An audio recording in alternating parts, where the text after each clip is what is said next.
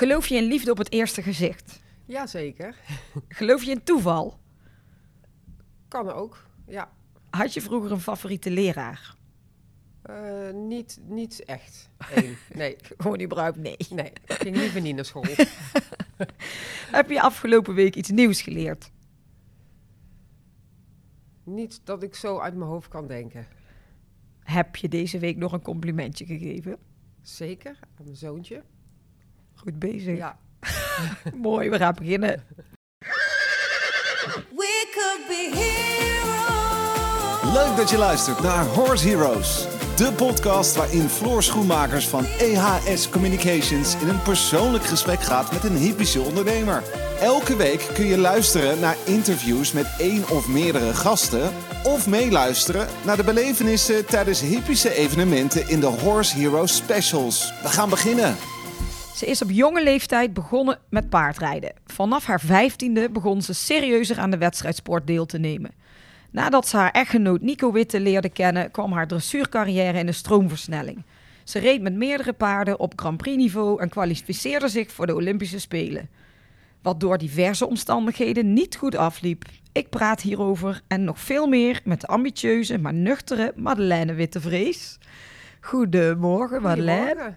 Hoe gaat het? Goed. Leuk dat ik bij je mag zitten. Ja, wij zitten hier eh, lekker vroeg eh, in Ermelo in het juryhok tijdens het. NK. En eh, ik heb net ook al even een interview met, met Marieke gehad, tuurlijk. Dat Ja, was ook wel leuk. kwam ik eh. tegen. ja, jullie deden elkaar even afwisselen. Ja.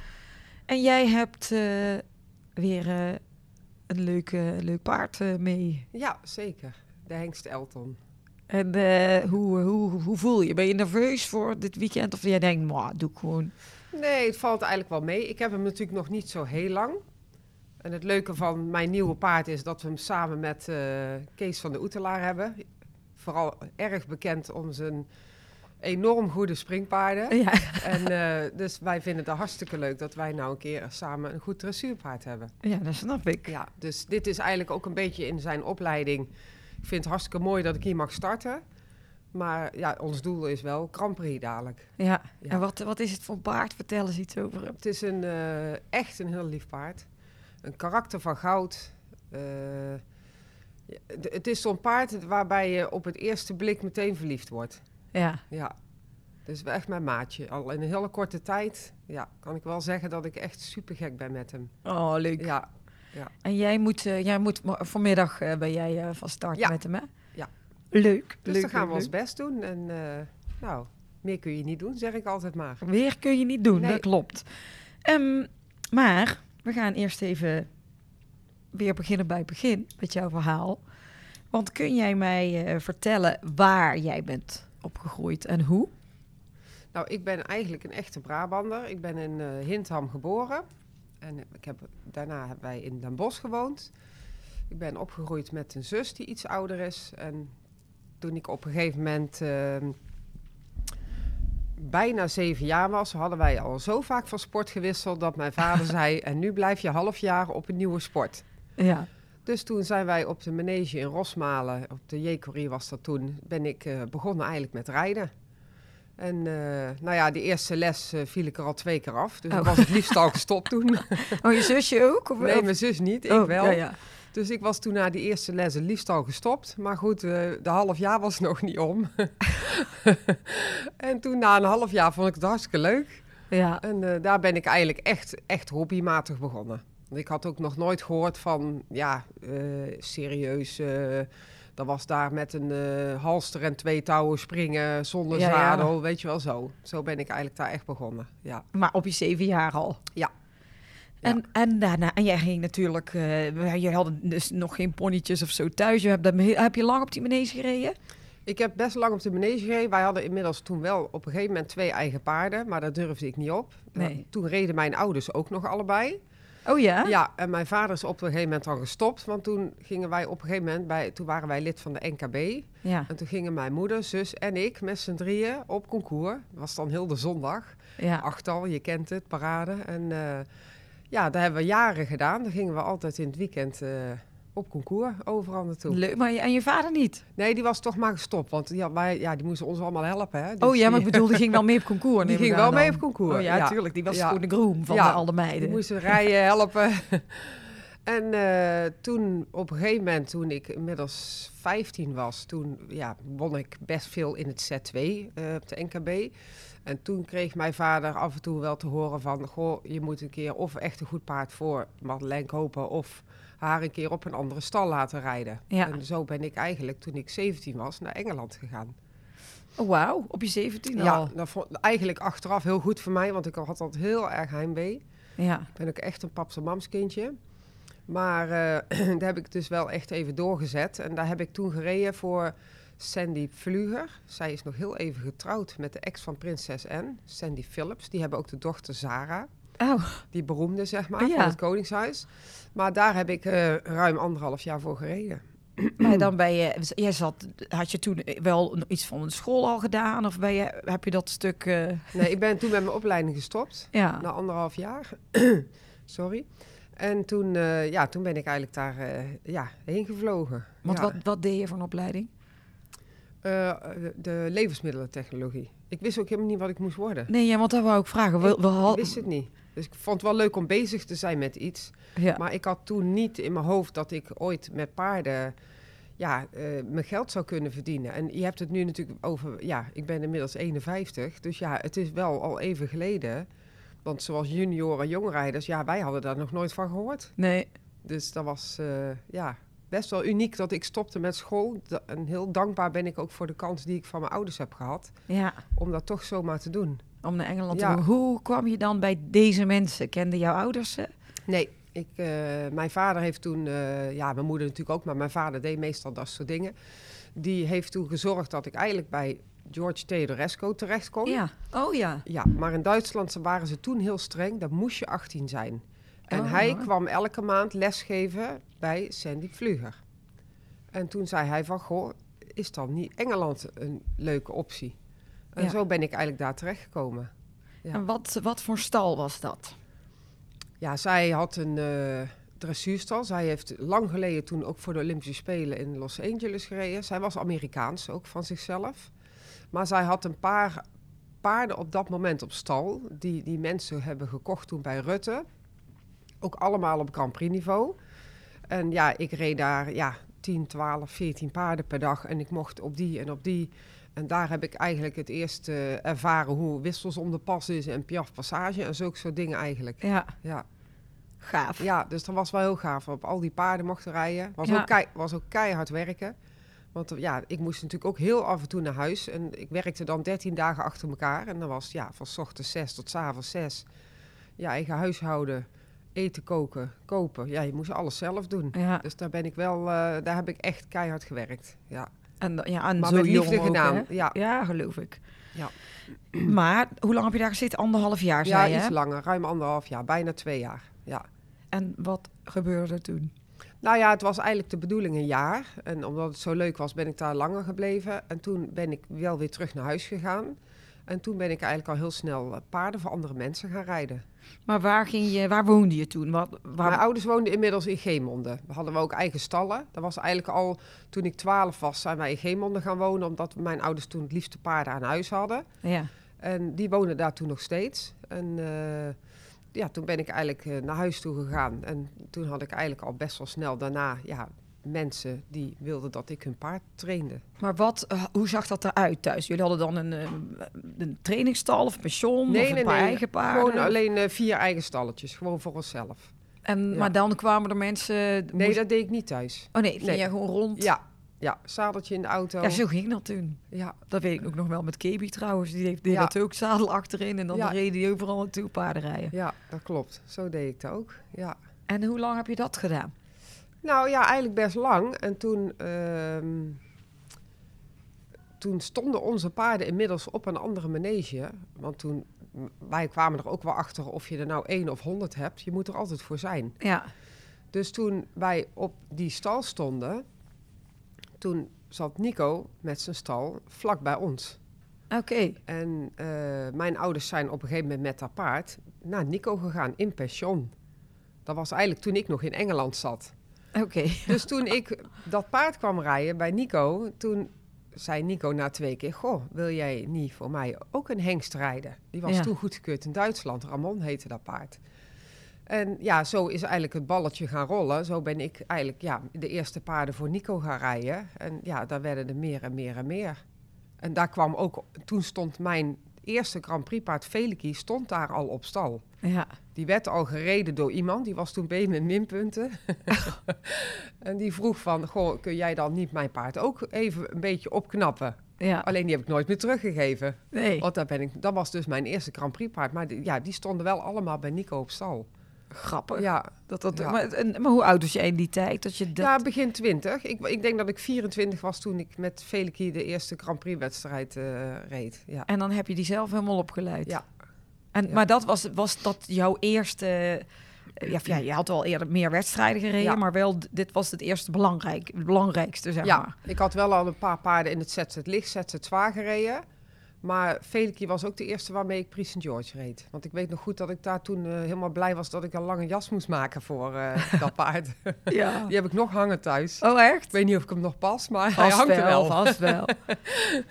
maar je hebt met hem eh, best wel veel gedaan ook Ja. wel, hè? Zeker. Kan, ja. kan je er iets over vertellen?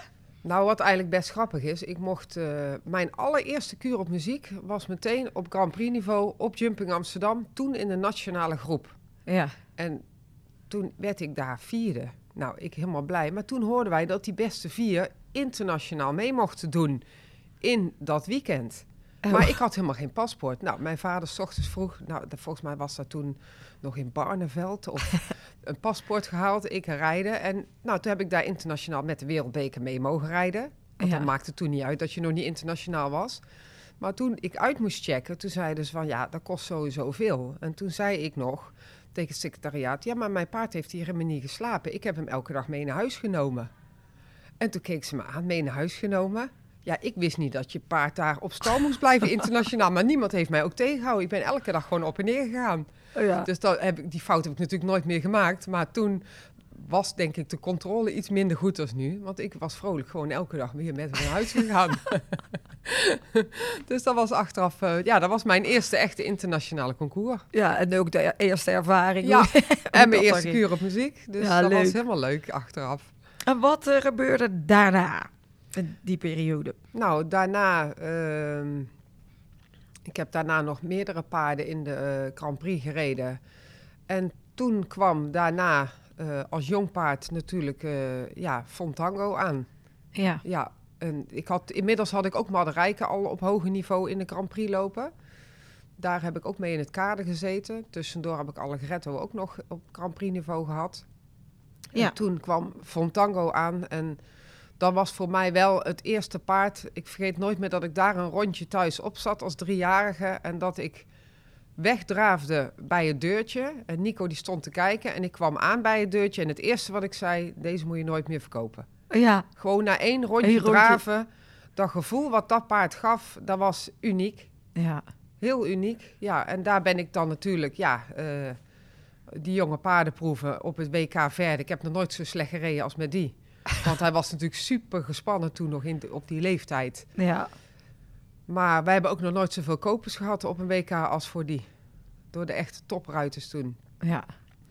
En toen inmiddels eh, liep dat paard lichte toer. Ik, ik, ik zou het normaal niet zo gauw durven, maar ik ben daar drie keer lichte toerkampioen mee geworden. Twee keer buiten en één keer binnen. En toen eh, gingen wij op een gegeven moment trouwen. Toen was het trouwens ietsje daarvoor nog. En toen zei Nico, als wij gaan trouwen, dan verkoop ik er één niet. Nou ja, de keuze was voor mij natuurlijk makkelijk. Welke niet? Dat was hij natuurlijk. Dat was de bruidschat. Als wij trouwen, mag ik Nee, paardje. zei- want Nico was natuurlijk altijd alles te koop. Hè? Ja. ja, daar moeten wij ook van eten. En ik was altijd meer van het houden en Nico meer van het verkopen. Ja. Maar goed, Fontango zou dus gewoon niet verkocht worden. En, eh, maar goed, ja, nou ja, hè, verder ken je het verhaal. Eh, toen liep hij net Grand Prix. Dat was allemaal heel snel gegaan, hoge scores. En toen we net in de race voor Londen zaten, ja, toen overleed hij. Ja. En dat was voor mij wel ja, het, het ergste wat ik op paardengebied ooit mee heb gemaakt. Ja. dat was, ja, en mijn maatje, want ik reed zijn moeder al. Ik, als ik zijn moeder reed, stond Fontango als veulen al met zijn benen in de voerbak te kijken van waar is mijn moeder? Ja. Dan reed ik in de bak ervoor, zeg maar. Ja, en dat paard heb ik helemaal zelf opgeleid. En eh, ja, toen hij overleed was hij tien. Ja, echt heel Ja, dat vond ik wel echt heel erg. Daar heb ik wel eh, even een tik van meegehaald. Ja, dat Ja. snap ik wel. Maar wat, eh, wat, wat is er gebeurd dan? Toen? Ja, hij, eh, hij was in één keer s'avonds hartstikke ziek. Ik ben toen nog Nederlands kampioen met hem geworden. Dat ging natuurlijk allemaal als een speer. Ja. En eh, s s'avonds was hij hartstikke ziek. En eh, wij eh, direct gereden naar de kliniek. Edwin Enserink had ook zijn beste team eh, opgeroepen. En hij had gewoon een zweer in de dunne darm. En dat was al doorgelekt, zeg maar. En dan Ja. kun je het met paarden schudden. Dus dat had natuurlijk niks te maken. Het is wel koliek, maar koliek is natuurlijk een hele grote verzamelnaam de- voor... Dit was al alles. verder. Ja, dit heeft toch wat te maken, weet je wel, paarden met wat meer stress. Af en toe naar een andere stal. Ja, en de ene heeft er nou eenmaal meer aandacht voor als de ander. Ja. Want ja, je bent hartstikke zorgzaam voor je paarden. Wij meten het voer af met die toppaarden. Hè? Dus, eh, dus ja, toen hebben ze hem toch nog geopereerd. Maar goed, dat mocht niet meer baten. En eh, s ochtends was hij er niet meer. Dus toen zat ik ook echt nog... Ik kon het bijna niet geloven eigenlijk in het begin. Nee. Ja, Maar dit was in, in de aanloop toen naar, naar Londen toch Ja, ook? we zaten al in het Olympisch kader. En eh, iedereen wist ook, Fantango liep buiten nog beter als binnen. Ja. Want mijn laatste concours buiten toen, dat was weliswaar toen in de Intermedia 1. Dat was toen op het NK. Maar die, hij heeft nog steeds het record in de Intermedia 1 proef van 78. Ja. Ja, dus dat is echt, die liep als een speer buiten. Dus nou ja, weet je natuurlijk, eh, er moesten nog een aantal weken komen. Maar de vanuitgaande, chef Jansen zei toen al tegen ons van... eh, ga je maar eh, klaarmaken om te kijken voor accommodatie en zo. Voor jezelf, zeg maar. Ja. Dus ja, dat was einde van tango toen. Ja, Ja. maar ook, dat, eh, ook het moment Ja, dan, het hè. moment was het slechtst. Mijn lievelingspaard. ja. Alles, alles in één. Ja, En dat was voor jou de, de eerste keer toch ook eh, voor het Olympisch, ja, ja. het Olympisch kader en Ja. zo. eh. wat, wat was hij voor, voor, voor persoontje? Ja, ook eentje die... De, al- hij stond er altijd klaar voor. Ja, Als ik al aankwam lopen, dan stond hij al te hinniken op mijn voetstappen. Ja, dat is natuurlijk... eh, Op een gegeven moment, na zoveel jaren, zijn het ook echt je maatjes, hè? ja, En, eh, maar hij kon wel onderweg wel eens snel nerveus zijn. Ja. En dan doe je nog zo je best om, ja, het allemaal, hè, wij gingen dan wel eens bij hem zitten in de vrachtwagen of zo. Maar het was wel een paard wat wel eens gestrest kon raken. En ja, daar heeft de een natuurlijk meer als de ander. ja. Maar was hij heel erg op jou ook? Was hij eenkennig? Dat het echt jou... eh, Jawel, dan wel. Maar eh, toen de tijd was Charissa Buurmeijer, dat is nu onze bedrijfsleidster, was toen mijn groom. En de- daar was Ja. hij ook wel echt heel gek mee. Ja. ja. Maar is, eh, heb je nu we- wel spaarden dat je denkt, die lijken een beetje op hem? Of is hij echt voor altijd de uniekste die je... Nee, je hebt. hebt, ik heb toen natuurlijk wel gedacht van nou, zo'n paard krijg ik nooit meer. Nee. Maar goed, eh, toen had ik natuurlijk Wintel nog. Ja, En eh Wintel zat ook in het Olympisch kader. En, maar goed, Wintel moest natuurlijk heel veel dekken. En ja, met dekhengsten is het toch wel gewoon een stukje moeilijker. Maar Wintel had ook weer een geweldig karakter. En eh, toen kwam Sennen alweer eraan. En met Sennen heb ik uiteindelijk dan natuurlijk ja, wel de meeste successen gehaald. ja. Want die, tijd, die kans heb ik met Fontango nooit gehad. Als met hem. Nee. Ik, ik wil even nog een stukje terug, hè, want we, gaan, we gaan er best wel rap doorheen. Want jij zegt, eh, je- weet je, eigenlijk straks eh, een beetje terug in het verhaal dat je eh, Nico leerde kennen, en dat je ouders daar een paard eh, op stal hadden gezet. Ja. En, ehm, maar toen was jij nog wel vrij jong en toen stond daar een paard op stal. En, op, en, en in één keer zeg je net, toen gingen we op een gegeven moment trouwen. Oh ja. Dus hoe is dat tussen, gegaan? Ja, ben ik wel benieuwd. Hoe, hoe- werd het dan Nou. van degene waar je paarden voor rijdt? eh? Ik denk dat ik daarom ook die allereerste vraag met liefde op het eerste gezicht, of je daarin gelooft. ja, Ik was natuurlijk begin 20 en Nico, ja, wij schelen 16 jaar. En eh, het was letterlijk liefde op het eerste gezicht. ja. En we hebben natuurlijk echt wel ja, even over gedaan. En toen zijn we natuurlijk ook wel een keer stiekem uitgegaan al. Maar ja, we waren gewoon echt verliefd. ja, En wij zeggen ook wel eens, als wij toen de tijd was het nog in de gulden tijd. Als wij 100 gulden hadden gehad van iedereen die dacht dat het na een paar jaar over zou zijn, hadden we een hele stapel liggen. We hadden jullie nooit overwerken. nee, en, eh, want er werd natuurlijk van mij gezegd van, oh ja, maar zij gaat met hem, want hij heeft veel paarden. En hij gaat met haar omdat ze nog een jonge meid is. Ja. Maar als je echt verliefd bent, dan, eh, dan ga je het niet zo lang redden hoor. Nee, tuurlijk niet. Nee, en we zijn nog steeds eh, hartstikke blij met elkaar en echt vriendjes samen. Ja, Dat leuk. is denk ik ook het belangrijkste in je relatie, dat je het samen heel gezellig hebt. Ja. Ja, Ja. maar jullie, ehm, dus in die fase dat dat gebeurde, dat, dat jullie echt een stel werden, zeg maar. Ben je, waar, waar ben jij toen gaan wonen of waar ze stal gaan? Nee, ik woonde toen nog bij mijn ouders natuurlijk, maar ik had wel steeds meer paarden bij Nico staan. Ja.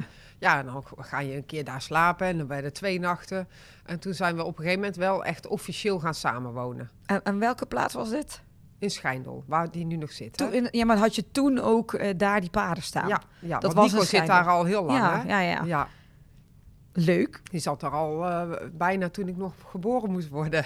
Ja, maar dat je het over had, wat, want je ouders woonden in. In monde, dat is daar vlakbij. Ja, Ja, ja, dus toen, Ja. eh, wel grappig. Ja, Dus en eigenlijk dankzij je ouders heb je Nico een soort Eigenlijk van wel. ontmoet. Ja, mijn vader moest natuurlijk eerst wel even wennen, omdat het leeftijd zo groot was. Ja. Maar goed, toen hij zag dat het echt serieus was, ja, nou zijn ze grootste vrienden, zeg maar. Ja, maar ja, boeien, dat leeftijd is ook... eh, Vind ik ook. Ik denk, misschien hebben wij er nog wel beter over nagedacht als een ander. ja, Ja, ja. want ja, het was natuurlijk eh, niet eh, normaal. eh, ik ga op zoek naar iemand die 16 jaar ouder is. Nee. Maar ja, ik denk maar als je het samen maar gezellig hebt. Ja, maar ja, wat gebeurt, gebeurt toch ook. Ja, En ja, maar ja, toen ben je op een gegeven moment naar Scheidel gegaan. Wanneer, hoe oud was je toen, weet je nog? even denken. Ja, ik denk een jaar of 7, 6, 27, 27 toen wij echt gingen samenwonen. ja. Ja, En, en was dat ook in die periode waar... wat in die periode, welke paarden had je toen? Eh, toen had ik Patser nog Ja, en Rolex. ja, Ja, die hebben natuurlijk allemaal eh, lichte tour gelopen. Eén, eh Patser die was een speciaal geval natuurlijk. Maar die heeft natuurlijk wel als Veulen was die al Nederlands kampioen. En daar heb ik ook twee keer toen de Paven Cup mee gewonnen. ja. En want die twee staan ook op onze trouwfoto's nog allemaal op de foto. Oh ja? Ja, ja, Patser en Rolex. Die Ja, want dat is ook wel iets waar heel veel mensen jou van kennen. Van die Ja, jonge paarden zeker. en Ja. eh, Pavo en de WK's. Ja. En dat je dat toen ook allemaal, eh, allemaal deed. Ja, dus daar heb ik eh, met de Rolex, ja, die was dan altijd een beetje ja, de, de underdog. En in één keer eh, wint hij de hengstencompetitie. Ja. Dat was ook wel een heel bijzonder moment toen voor mij. ja, dat snap ik. Want ik weet nog goed dat hij toen het eerste jaar, eh, waren, was een hele grote groep die R-jaargang.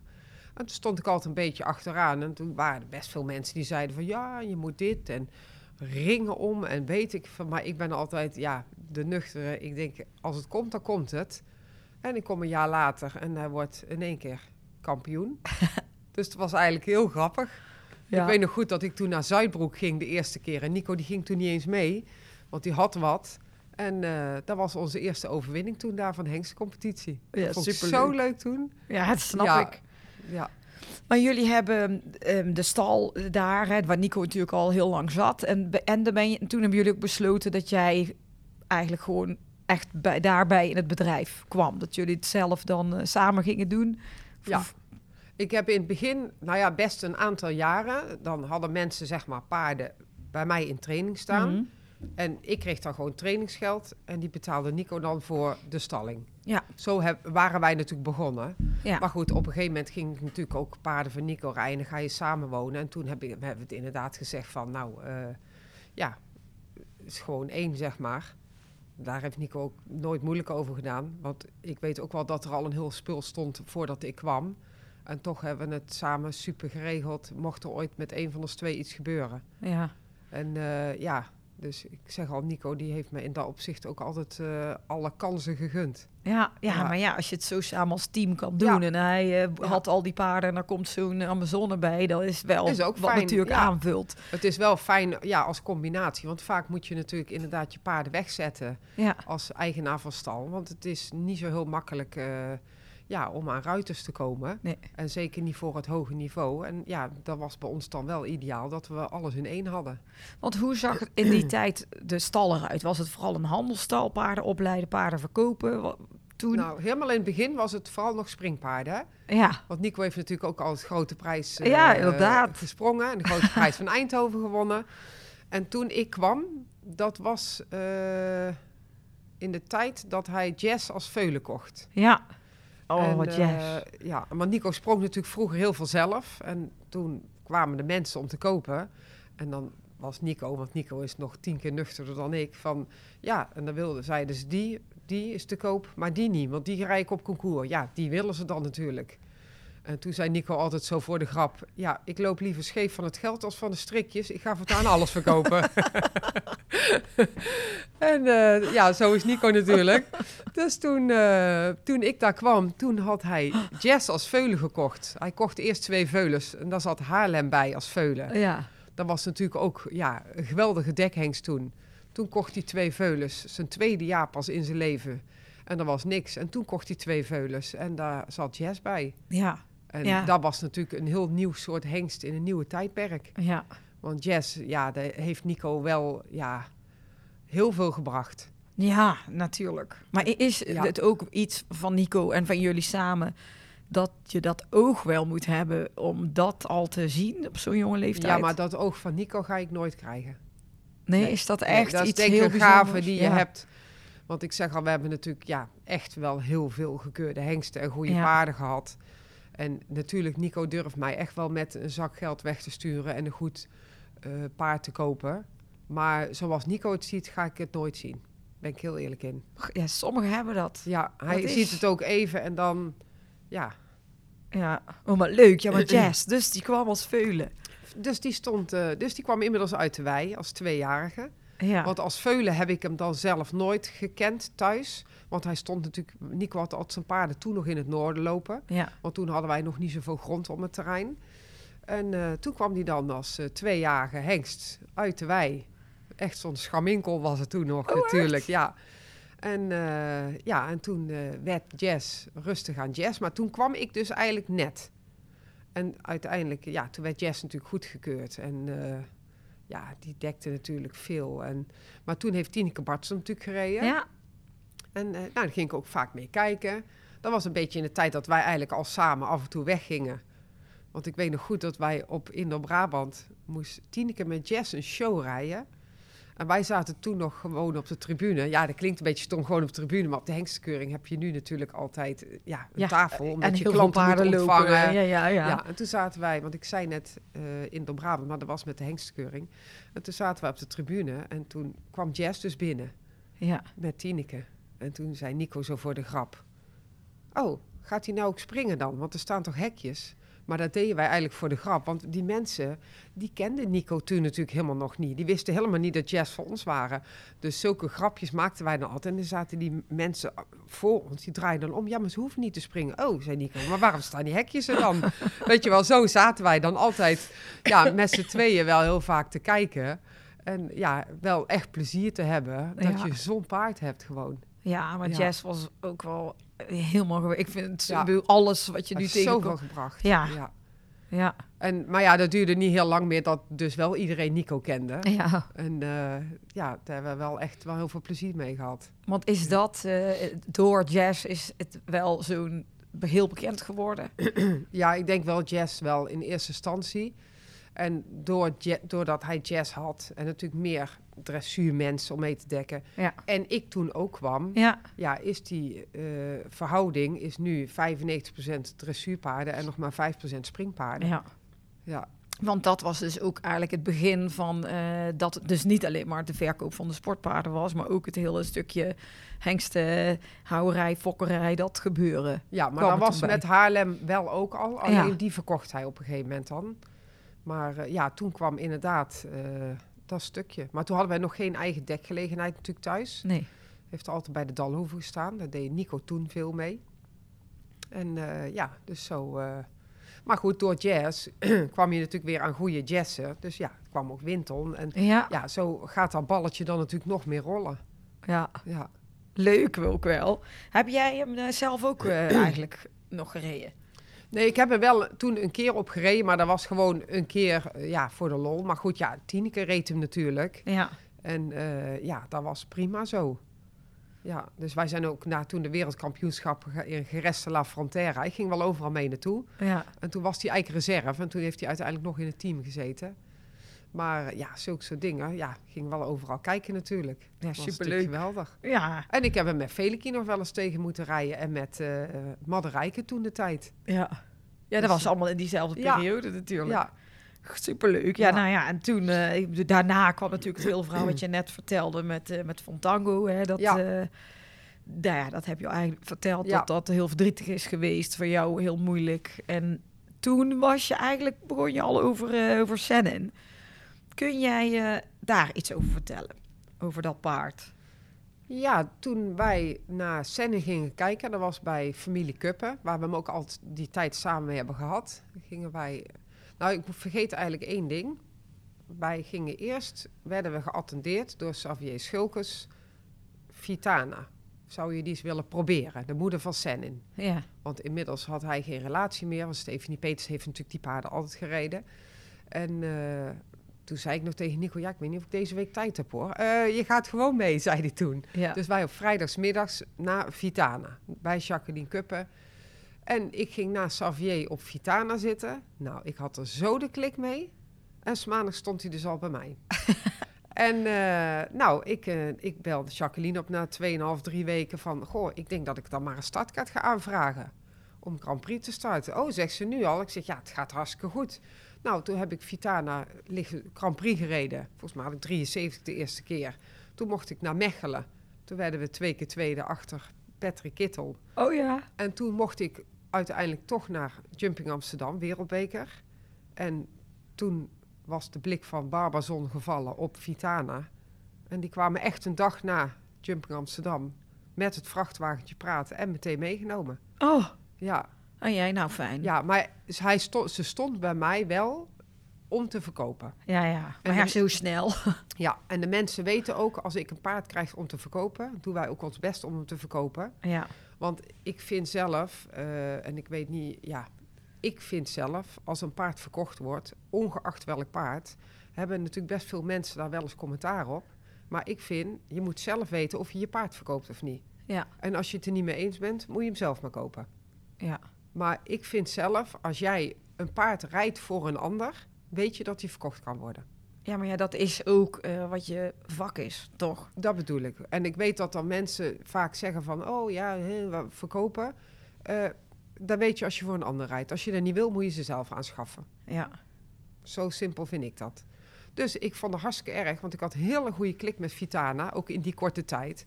Dus, maar inmiddels eh, zei ze van, kom dan Sennen ook even een keer rijden. En Sennen was toen net, net wel of net geen zes. En toen zijn wij, eh, ben ik dus Sennen gaan rijden. Nou, die kwam dus ook. En die ben ik toen eigenlijk gaan opleiden. En in het begin dacht ik nog van, ja, ik weet ook niet. En Nico die zei meteen van, dat gaan we doen.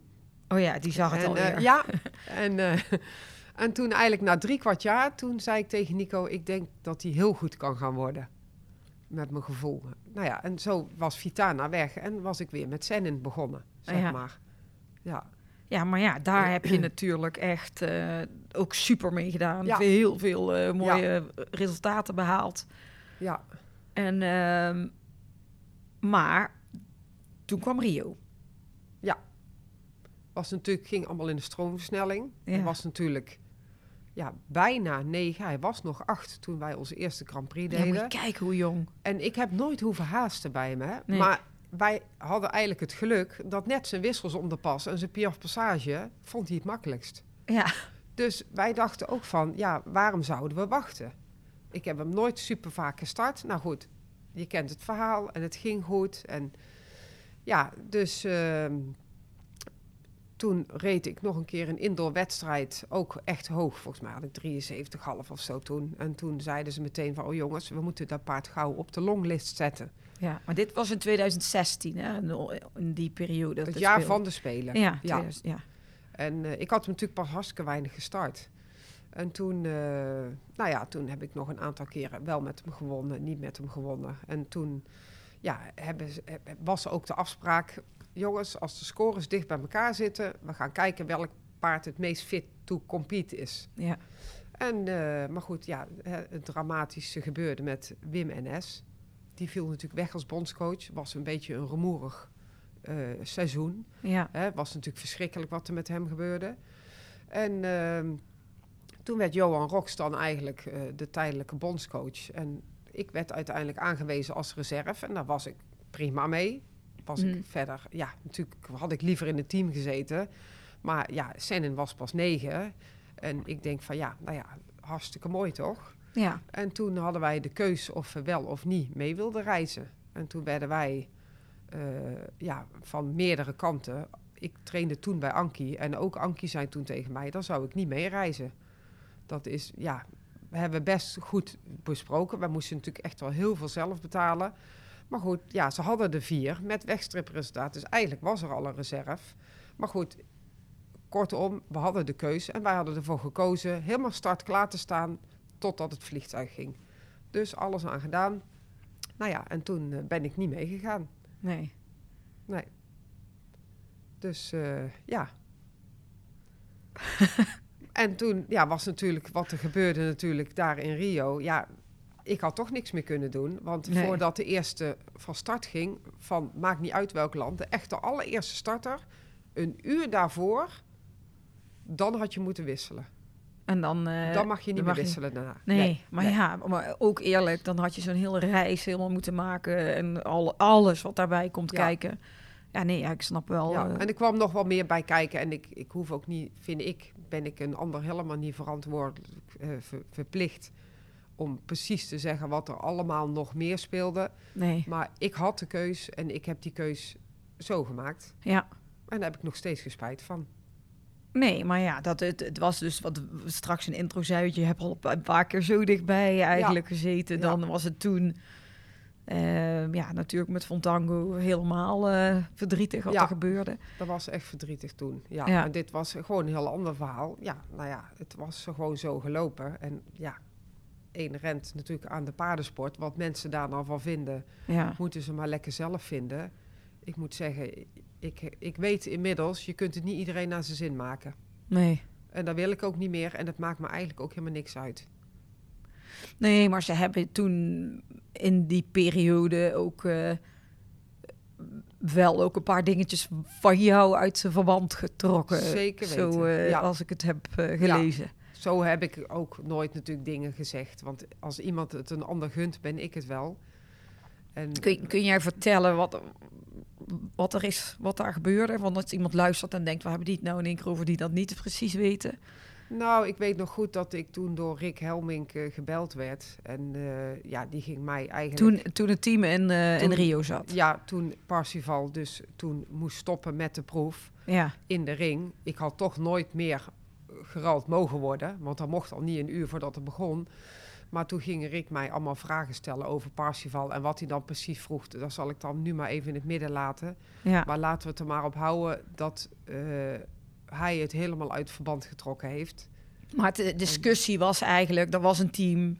Jij was het reservelijst. Parsifal werd eruit gehaald. Ja. Omdat daar wat eh, problemen waren. En dan gaan ze jou daarna Maar bellen. waar is de reserve? Ik had toch niet meer in mogen nee, vallen. nee, nee, Nee, maar dan... Want dan moet je dus echt ruim van tevoren aangeven. Ja, Dat is niet zo van, die valt eruit en dan kun jij erin. Zo werkt het niet. En dat is ook weer per speler verschillend natuurlijk. Hm. Maar goed, ja, dat was ook een wegstreepresultaat. Dus eigenlijk heb je dan toch een soort van... werd dat toch al weggestreept. Maar goed, nou ja, ik heb toen natuurlijk eh, best wel wat shit over me heen gehad. Ja. En dan heb ik gelukkig weer nuchtere Nico achter me staan. Die zegt van, we hebben het toch goed. Maak je niet druk. En daar heeft hij eigenlijk hartstikke gelijk in. En ik ben daar denk ik misschien nog wel sterker van geworden. Maar was het Ja. toen ook, ik bedoel, die, werd, die, jij werd gebeld door een journalist, die, die, jij hebt daar iets Ja. gezegd, dat is op een bepaalde manier eh, weer in de, in, de, in de krant of in de, op Ja. social media, ik weet niet meer waar het stond, te- terechtgekomen. Overal op. En, maar ook heel, dat was toen ook best wel op social media dan, dan toch? Ja, En- had je natuurlijk alweer Facebook. En Ja. Dat is natuurlijk, eh, ja, ik moet wel lachen, want ik heb eh Kobe toen een keer gesproken, Kobe van Balen. En die zei al van, joh, vroeger stond het in de krant en een dag later pakte je de vissen mee in. Ja. En dan lag hij in de prullenbak. En dat vond ik eigenlijk zo'n goeie van haar. Ik zeg, ja, daar heb je ja, maar dan eigenlijk kon ook je wel ook niet gelijk in. weten wat iemand Nee, deed. hè. En met dat social media, dan komen er alle... Ja. Heb jij dat toen eh, wel gelezen en zo, wat er allemaal voor Ja. reacties kwamen? Ja, heb ik toen gedaan. En ik, ik schrok daar in eerste instantie best van. Ja. Maar ik zeg al, misschien is het wel goed dat het toch iedereen een keer overkomt. Want ik ben er veel sterker door geworden. Ik zit er heel eerlijk gezegd niet zo heel erg mee wat een ander van mij vindt. Ik Nee. kan mijn eigen eerlijk in mijn ogen aankijken. Ik werk hard en ik, ik heb een fijn gezin. We hebben een fijn bedrijf. En je kunt het niet iedereen naar zijn zin maken. Zo is het gewoon in het leven. En degene die daar dan over door blijven zeuren, heb ik eigenlijk best wel medelijden mee. Hebben die niks beters te doen? Nee, maar die zitten gewoon eh, lekker Maar- makkelijk achter een computer. eh. Maar dat is best zielig eigenlijk. Als je Ja. altijd de ellende van een ander ergens op moet zetten, ben je eigenlijk zelf veel zieliger. ja. Want ik heb daar helemaal geen tijd voor. Nee, maar ja, dit was al eh, best wel lang geleden natuurlijk dat Zeker, dat gebeurde. ja. En, en ja, toen heb je wel het een en ander over je heen gehad. Ja. Het zal wel. het is Gebeurd, gebeurd, klaar. gebeurd, klaar. Wat gebeurde er daarna? Nou ja, ik ben toen met Senne natuurlijk gewoon eh, ja, lekker doorgegaan. En eh, ik heb echt prachtige wedstrijden met hem gereden. Mallorca vond ik geweldig, ben ik twee keer heen geweest. Wereldbekerfinales twee keer. In Oma werd ik toen vijfde, beste Nederlander. In Parijs zesde, beste Nederlander. Nou, wereldkampioenschappen, Europees kampioenschappen. Ja, Saab top 10 meegereden. Ja, dat was natuurlijk gewoon top. Dat was geweldig. ja jij zegt net, oma, daar had ik natuurlijk net met eh, Marieke ja, nog even over. was een hele eh, andere ervaring voor Marika als voor mij. Ja, Hè, ja, zo betrekkelijk is het gewoon in de paardensport. ja, Hè, de, op het ene moment eh, sta je op het podium en het andere moment ben je gewoon nergens. ja. Ja, dat is met, het, met dieren natuurlijk ook. Ik zeg ook altijd, je moet ook echt genieten van het moment op zich. Ja, Ik heb wel door Fontango, kijk ik niet meer te ver vooruit. Ik weet dat er heel veel zeggen van ja, maar je moet toch een doel hebben. En, maar ik ben daar wel ietsje terughoudender in geworden. Ja, ik kijk nooit te ver vooruit. nee, ja, ik want geniet het is, van het moment van nu. Ja, maar ja, dat denk ik ook wel. Je deed dat toen natuurlijk wel. Dat je vooruit keek en naar Londen en naar dit. En dan ineens is het bam afgelopen. Dat, Ja. want, en jij zei dat je dat toen zo'n tik van, van hebt gehad ook. Nou ja, je, je bent natuurlijk zoveel tijd bezig met één paard. Het is natuurlijk niet alleen maar het rijden, Nee, maar alles eromheen. ja. Ja, we hadden toen natuurlijk ook veel interviews. Maar ik weet nog goed dat ik na mijn eerste concours van Tango... dan ga ik weer heel even terug over Tango. Toen had ik al een hele hoge score, zeker voor toen. was in Lisse. En toen belde het Brabants Dagblad mij... of ik mee wilde werken aan de Olympische Special. Oh en ja. toen heb ik letterlijk gezegd... als ik nog drie keer zo heb gereden, mogen jullie mij terugbellen. Dus toen keek ik ook al niet zo snel, zo ver vooruit. Nee. En toen ze zouden komen voor het interview, dat was de dag dat Fontango doodging. Och, Ja, ja.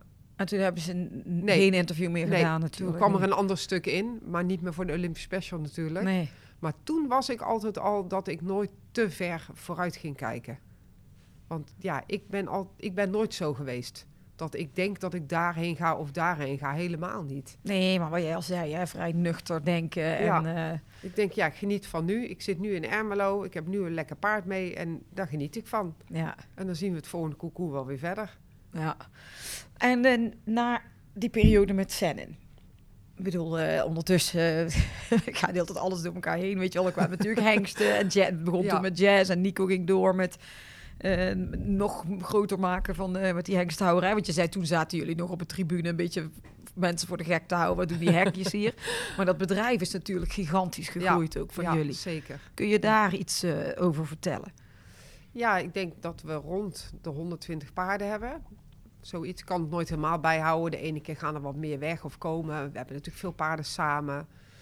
Maar ja, ik ben wel super trots op Nico. Die heeft gewoon daar een bedrijf neergezet. Die is vroeger met één paard en 800 gulden gewoon begonnen met niks. Ja, En dat zeg ik ook nog steeds. Ik denk dat je dan wel echt heel veel kijken op een paard moet hebben als je zo'n bedrijf neer kan zetten. En ja, ik denk als kerst op de taart werd hij natuurlijk eh 2,5 jaar geleden ondernemer, hippies ondernemer van het jaar. ja. En dat is natuurlijk niet voor niks. Nee, leuk. Ja, dus ja, ik heb natuurlijk, ik ben daar wel gekomen toen het nog niet allemaal maar kon, zeg maar. Maar ik heb wel een heel groot proces doorgemaakt dat het wel op een gegeven moment echt heel goed ging. Ja, maar dat hebben jullie dan toch ook samen Ja, gedaan? zeker. Ja, maar dan zal Nico ook nooit zeggen dat hij dat alleen maar doet, zeg maar. Nee. Het is ook een stukje samen. Ja, ik worden ook paarden doordat ik ze train weer verkocht. En, hè, maar ja, ik zeg al zoals met de hengsten, Bretton Woods, Franklin, Ja. ja. noem ze allemaal maar op. We zijn natuurlijk allemaal ja, mega bekende. Ja, echt wel heel veel inmiddels. Ja. Ja, ja, ja. En eh, ja, dat is natuurlijk gewoon hartstikke leuk. En ja, we hebben hartstikke fijn personeel, want ja, alleen kun je het natuurlijk niet. nee. En eh, wij hebben ook al personeel wat er al heel lang is. En ik denk als je heel goed voor je personeel bent, zijn hun ook goed voor jou. Ja. Eh, zeker in deze tijd moet je daar natuurlijk, ja, is het extra scherp. Vroeger kon je er wel eens zeggen, wij hadden toen ik kwam, hadden wij nog achter een caravan staan. Want ja, we hadden geen slaapplek. Ja, dan sliepen ze maar in de caravan. Ja, dan deed de verwarming het week niet. Ja, nou ja, dat werd dan wel. Maar dat gaat tegenwoordig niet meer, hè. Dat, dat is Nee, natuurlijk dat allemaal zo wel... heb ik nog eh, in de paarden Ja. gewerkt, in zo'n caravan. Ja, maar wie eh, niet? Hè? Ja, en tegenwoordig is het niet gauw goed genoeg meer, hè? Maar eh, ja, dus we hebben inmiddels natuurlijk... Ja, Nico koopt nog steeds elk jaar een hoop veulens. En ja, dan heb je ook weer zoveel jaarlingen en tweejarigen. En ja, zo gaat het dan... eh, ja, heb je elke keer toch weer heel veel paarden, En wat, maar. en wat is dan... Want ik bedoel, daar zijn natuurlijk zo dingen in dat eh, in het bedrijf ook een beetje veranderd. Van wat je eerst die jonge paarden allemaal deed rijden en tot de Grand Prix, whatever, de fokkerij, het hele stukje met die hengsten. Is het voor jou ook veranderd en wat jij eh, leuker vindt binnen het bedrijf? Ook nu met die hengsten en zo, die hengstenkeuringen, om dat allemaal te zien, hoe die paarden worden opgeleid. Is dat ook iets wat jij leuker bent gaan vinden? Nou, dat heb ik eigenlijk altijd wel heel leuk gevonden. Ja, Ja. Het enige wat veranderd is, als toen ik natuurlijk kwam op stal... dan ik ging overal op zitten. ja, En dat doe ik niet meer. Wij hebben natuurlijk Niels, die is inmiddels 14 jaar, ons Ja. zoontje. En ehm, ja, ik ben wel voorzichtiger geworden. Ik heb ook, ja, lichamelijk, eh, hè, ik heb al heel lang twee hernia's. Al eh, vanaf begin, eh, ja, midden twintig eigenlijk. oh echt waar? Dat Ja. wist ik helemaal niet. Ja, en nou ga ik van... Maar ooit door een ongeluk of gewoon... Nee, gewoon. En daar heb ik best wel veel pijn aan. Ik ben 's ochtends moet ik ook echt wel wat langer eh, op, aan de Gek gang. en om strek. op- Ja. en ja, dus mijn lichaam laat me ook soms best wel een beetje in de steek. Dat is ook een van de redenen dat ik zelf Las Vegas niet rijd. Ja, Omdat ik het gewoon niet durf. Om hem op concours te rijden. Hè. Hij is hartstikke lief. Maar als hij wel een keer weg zou springen... ja. Ja, dan ben ik bang dat mijn lichaam me in de steek laat. En ja, dus wij hebben daar ook echt goed over gepraat. En Nico vond het natuurlijk in eerste instantie, oh leuk als jij... Ja, dat is ook heel leuk. Maar nu vind ik het nog leuker, want nou hoef ik me daar niet druk om te maken. Maar die is ook weer zo gaaf. Ja, ja die is echt gaaf, hè? Ja, jullie hebben echt zoveel, eh, zoveel toffe paarden. Ja, je zei net inderdaad ook al van Niels, die is alweer 14. Is hij eh, ook iets met paarden? Vindt hij leuk wat jullie doen? Hij voetbalt vooral. Ja, Maar hij roept wel vanaf zijn vierde al dat hij net als papa en zijn grote broer Jeroen de hengsten wil gaan doen later. oh ja. Ja, dat roept Oh, hij ja? nog steeds. Ja. Maar helpt hij wel Jeroen wel eens? Nee, want Jeroen zit natuurlijk met Emily in Gorinchem. Ja, ja, ja, maar ik dacht En misschien gaan gaat wel. hij daar wel eens... nee, dan eh, gaan we. Maar ja, hij, moet, hij kan natuurlijk nog niet met de auto. Dus als wij dan gaan, dan is het meestal gewoon gezellig eh, kletsen, eten, weet ik het. Ja, En eh, als we dan een keer vragen op stal of hij even moet helpen, dan heeft hij ook wel gas erop. ja. Maar het is vooral, vind ik, zoals een jonge jongen ook moet zijn. Lekker met vrienden afspreken, voetballen, chillen leuk. en naar school. En Ja. naar school. Ja, Ja, want nou, ja, je hebt het nou even over Jeroen. Jeroen, eh, die heeft natuurlijk heel veel ook eh, geleerd van, van Nico. En Ja. veel gezien en heel veel samen gedaan. En die, die, heeft, die hebben natuurlijk ook heel lang eh, bij jullie nog in het bedrijf ja, gezeten. ja. ja, dat was ook heel leuk. Maar ik snapte ook de keus dat zij ja, natuurlijk ook op eigen benen wilde staan. ja, ja, dat is ook en, logisch. Emily reed natuurlijk al heel veel hengsten van Ad. En, dus ja, nou ja, zo ook prima. ja, Dus eh, we zien elkaar regelmatig. En nou, zeker nadat hun ook een kleine hebben natuurlijk. eh, ja, leuk. ben ik eh, een soort extra oma. Oma, hè. ja. oh ja, je bent natuurlijk een soort oma. Ja, leuk. Ehm, nou ja, ik kan met jou eigenlijk helemaal niet dit hele verhaal binnen een uur houden. Omdat we alle kanten op kunnen. Over die hengst, over jouw paarden, over je sport, over jullie leven helemaal op stal. Jullie doen ook nog een veiling. Ja. Ook nog leuk, ook nog Ja, dat is ook bijgekomen. leuk, hè? Ja, dat is ook gezellig. dat is eh, tien jaar, geloof ik, hè? Ja, volgend jaar gaan we ook weer live. Dan is het het tiende jaar. En dan Ja. eh, met die corona was het natuurlijk heel even online. Ja, nou ja, slim Ja. dat het toch door is gegaan. Maar dat doen wij wel. Wij hebben natuurlijk wel, ja, het is fijn als je samen dezelfde passie hebt. Ja, Hè? Want als we dan met de EDS met z'n achter gaan eten of gezellig, ja, dat is ook gewoon echt gezellig. zie ik totaal niet als werk. nee, nee, maar ja, Nee. jullie de, noem de acht is, want dat is ook zo'n topteam. eh. ja, we hebben natuurlijk Joep en Imke en Joop en Renate en Tim en Nel. ja. En jullie twee, en ja. wij dan, ja, dus dat is natuurlijk super gezellig. Ja, maar het zijn ook al- allemaal paardenmensen, weet Ja. je. Je hebt allemaal hetzelfde, Ja, en hetzelfde de ene vak. doet iets meer dit en de ander doet iets Ja. meer dat. Maar eh, ja, het is, eh, ja, ik zeg altijd alleen al voor de gezelligheid is het leuk om een veiling te organiseren. Ja, precies. Want eh, wij vinden ook zeker wel, eh, hè, er is meer als alleen maar paarden. Hè? Je Ja. moet ook de gezelligheid eromheen is ja, maar belangrijk. ja, dan gaan jullie iets anders doen dan alleen maar paarden. Maar dan heb je het toch alleen maar over paarden Ja, waarschijnlijk. wel, maar ook wel eens over andere dingen. Ja. Ja. Nee, superleuk. Ja. Maar oké, ehm, dan is het dadelijk Parijs. En we te ver vooruit zeker weer. Nou ja, die, hij loopt nu lichten toe, dus dat zou nou wel heel ver Maar misschien vooruit komt er zijn. wel een heel ander paard ineens. Ja, dat weet je nooit. Je maar, weet het eh, nooit. nee, maar dat is... eh, nee, daar denk ik nog helemaal niet aan. Nee, Gaan jullie daar wel eh, kijken Ja. of zo? zeker. Oh ja, Ja, want het is ook lekker dichtbij nu. We hebben Ja. zelfs al kaarten. ja, Dus eh, nee, dat vind ik wel hartstikke leuk dan. We zijn toen ook in Athene geweest. ja. Oh ja, ja, tuurlijk. Ja, en in Londen zijn wij wel geweest, maar met, eh, toen Tranger natuurlijk net dood was, eh, ben ik daar niet met eh, het rijden geweest. Want dat wilde ik niet. Nee, snap En ik. toen is Nico wel geweest. Maar eh, ja, het is natuurlijk een geweldige happening, die Olympische Spelen. Ja. En nou, een dichterbij kan bijna niet, hè, als Parijs. Och, ik wil ook. Ik moet Ja. ook nog even kijken hoe. Ik heb Ja. dat eigenlijk me nog niet zo goed in verdiept hoe je of je er überhaupt nog kaarten voor kan krijgen. Vast wel. Ja, wel zou wel tof zijn. Ja, Zo ja dat is dichtbij echt is. gaaf, hè? Ja. En nou hier het NK dit weekend. Wat heb jij nog voor meer plannen voor de toekomst? Ja, gewoon lekker eh, klaarmaken voor de Grand Prix. Ja, En ondertussen af en toe een keer op concours. Ik train natuurlijk al sinds een aantal jaren met Nicole Werner. ja, En eh, ja, daar ben ik echt zo blij mee. Dat is denk ik wel eh, echt een goede klik met mij. ja leuk. Ja, ja. Ja, echt heel fijn. En eh, nou ja, wij gaan gewoon lekker door met, met onze Piaf Passage, alle dingetjes. En dat vind ik dan ook wel weer heel leuk. Eh, ja, de weg ernaartoe om hem zelf weer klaar te maken voor de Grand Prix. Ja.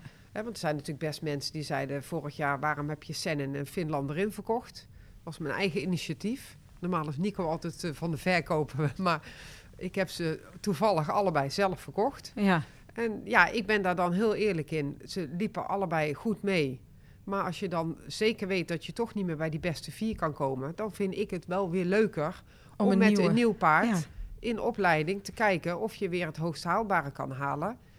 Wat ik dan wel heel belangrijk vind, is dat ik wel iemand heb die ja, daar ook echt heel lief voor is. Ja. De ene staat met een jong meisje in Australië en de ander met een jong meisje in Canada.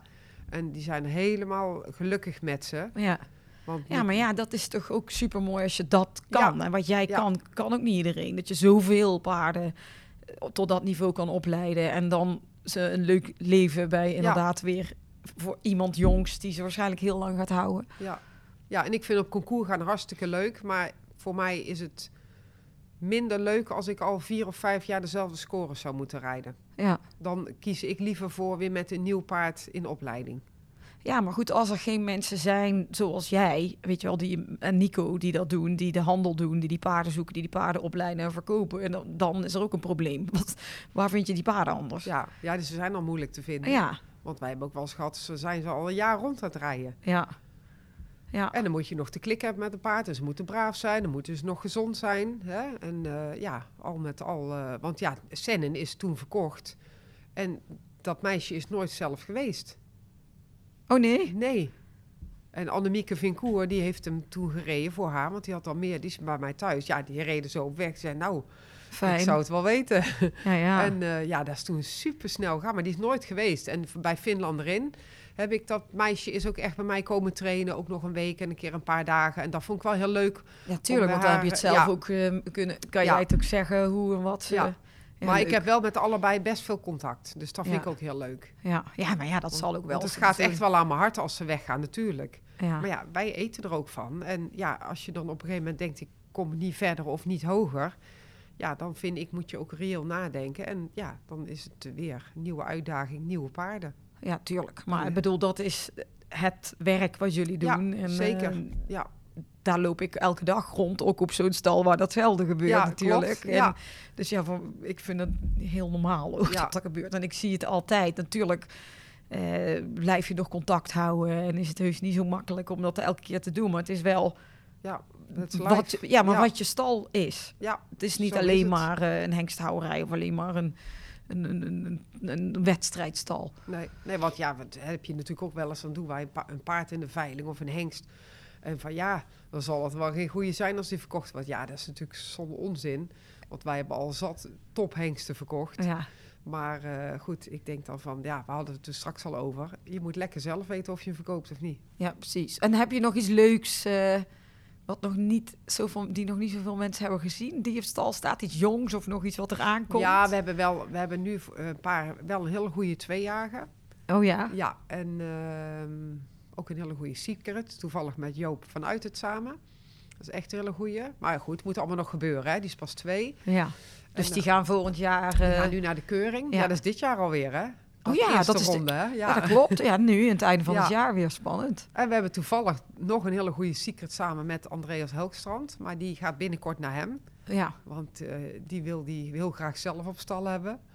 En nou ja, dat gaat altijd heel makkelijk. We hebben meer paarden met hem samen. En dat gaat altijd makkelijk. Het is hier of daar. En, maar dat is ook wel echt een heel gaaf beest. Maar ja, we hebben wel best veel hele leuke jonge paarden staan. ja dat zal wel. Ja. Als dat nou weer... eh ja. dat, is, dat wordt natuurlijk elk jaar weer meer en Ja. weer beter. En eh, leuk. ja, dus dat is hartstikke leuk. Elke keer weer om dat proces vanaf veulen af aan hè, weer op te leiden tot ouder. Ja, snap ik. Is ook leuk.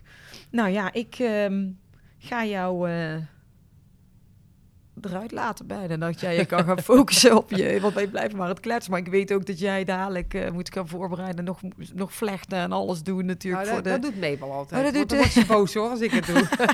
Dat mag jij niet. nee, dat mag ik niet. Leuk. Nee. En ehm, hoeveel, hoeveel, hoe vaak heb jij meegereden hier op het NK? Weet je dat? Enig idee? Ja, nog, oh, ik heb zelfs de laatste keer in Haaksbergen nog gehad. In Nijmegen, Eindhoven. Ja, oh ja, Nijmegen. Nog een keer in, daar bij Zee. Waar was dat? Ehm, in het westen is het nog een keer geweest. Met Wintel nog meegereden. In Den Haag. In dat Nee. park. Weet ik Nee. niet. Nee, het is nog een keer... Nou, weet ik het toch niet meer. Erg, hè? maar ja, best vaak. Heel vaak. Heel vaak. Nou, leuk. En Ja. nou, eh, di- en vandaag, dit, dit is, eh, heb je één paard Eén natuurlijk paard nu mee, mee, ja. ja. Leuk. Dus, eh, nou ja, ik zeg al, we gaan ons best doen. En eh, proberen een fijne proef te rijden. Ja, gaat vast En lukken. het is hartstikke fijn als we op dit niveau natuurlijk leuk eindigen. Ja, Maar ons doel is uiteindelijk natuurlijk wel, ja, Grand Prix. tuurlijk. Hè? Daar gaan we maar weer voor. Daar ga je maar weer voor. Nou, Madeleine, super bedankt Ja, eh, voor je dank. tijd en je verhaal. We gingen wel lekker was hartstikke leuk. alle kanten op. En heel veel succes vanmiddag. Ja, en met eh, jullie dankjewel. supermooi bedrijf. En ik groeten aan Nico. Doe ik. En bedankt En voor jij het luisteren. Oh, en nog één ding wat ik vergeet vraag. Als mensen meer willen weten over eh, jullie bedrijf of over jou, waar kunnen ze volgen? Op, op site of op social media? Wat? Ja, ik ben best wel saai, maar ik, wij doen niet zo heel veel eigenlijk. Wij hebben wel gewoon een website natuurlijk. Ja. www.stalwitte.nl En ik heb dan wel Facebook, maar ik zet er ook niet superveel op. Dus als iemand wil weten wa- wat, wat de paarden doen, kijken ze maar op de startlijst Eh, of zo. ja. of op horses of whatever. ja, en op de website. Oh, op of de ze website. bellen even op, dat kan ook, Dat kan hè? ook. Of een mailtje. Helemaal goed.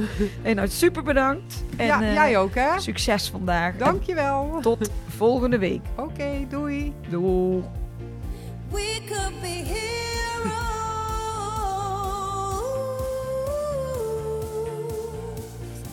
Dit was hem weer, de Horse Heroes podcast. Wil je meer weten over Floor, haar bedrijf of deze podcast? Kijk dan even op de website van ehscommunications.nl. En wat je ook zeker even moet doen, is je abonneren op deze podcast om geen enkele aflevering te missen. Het zou helemaal top zijn als je dan meteen een beoordeling achterlaat. Tot volgende week! We could be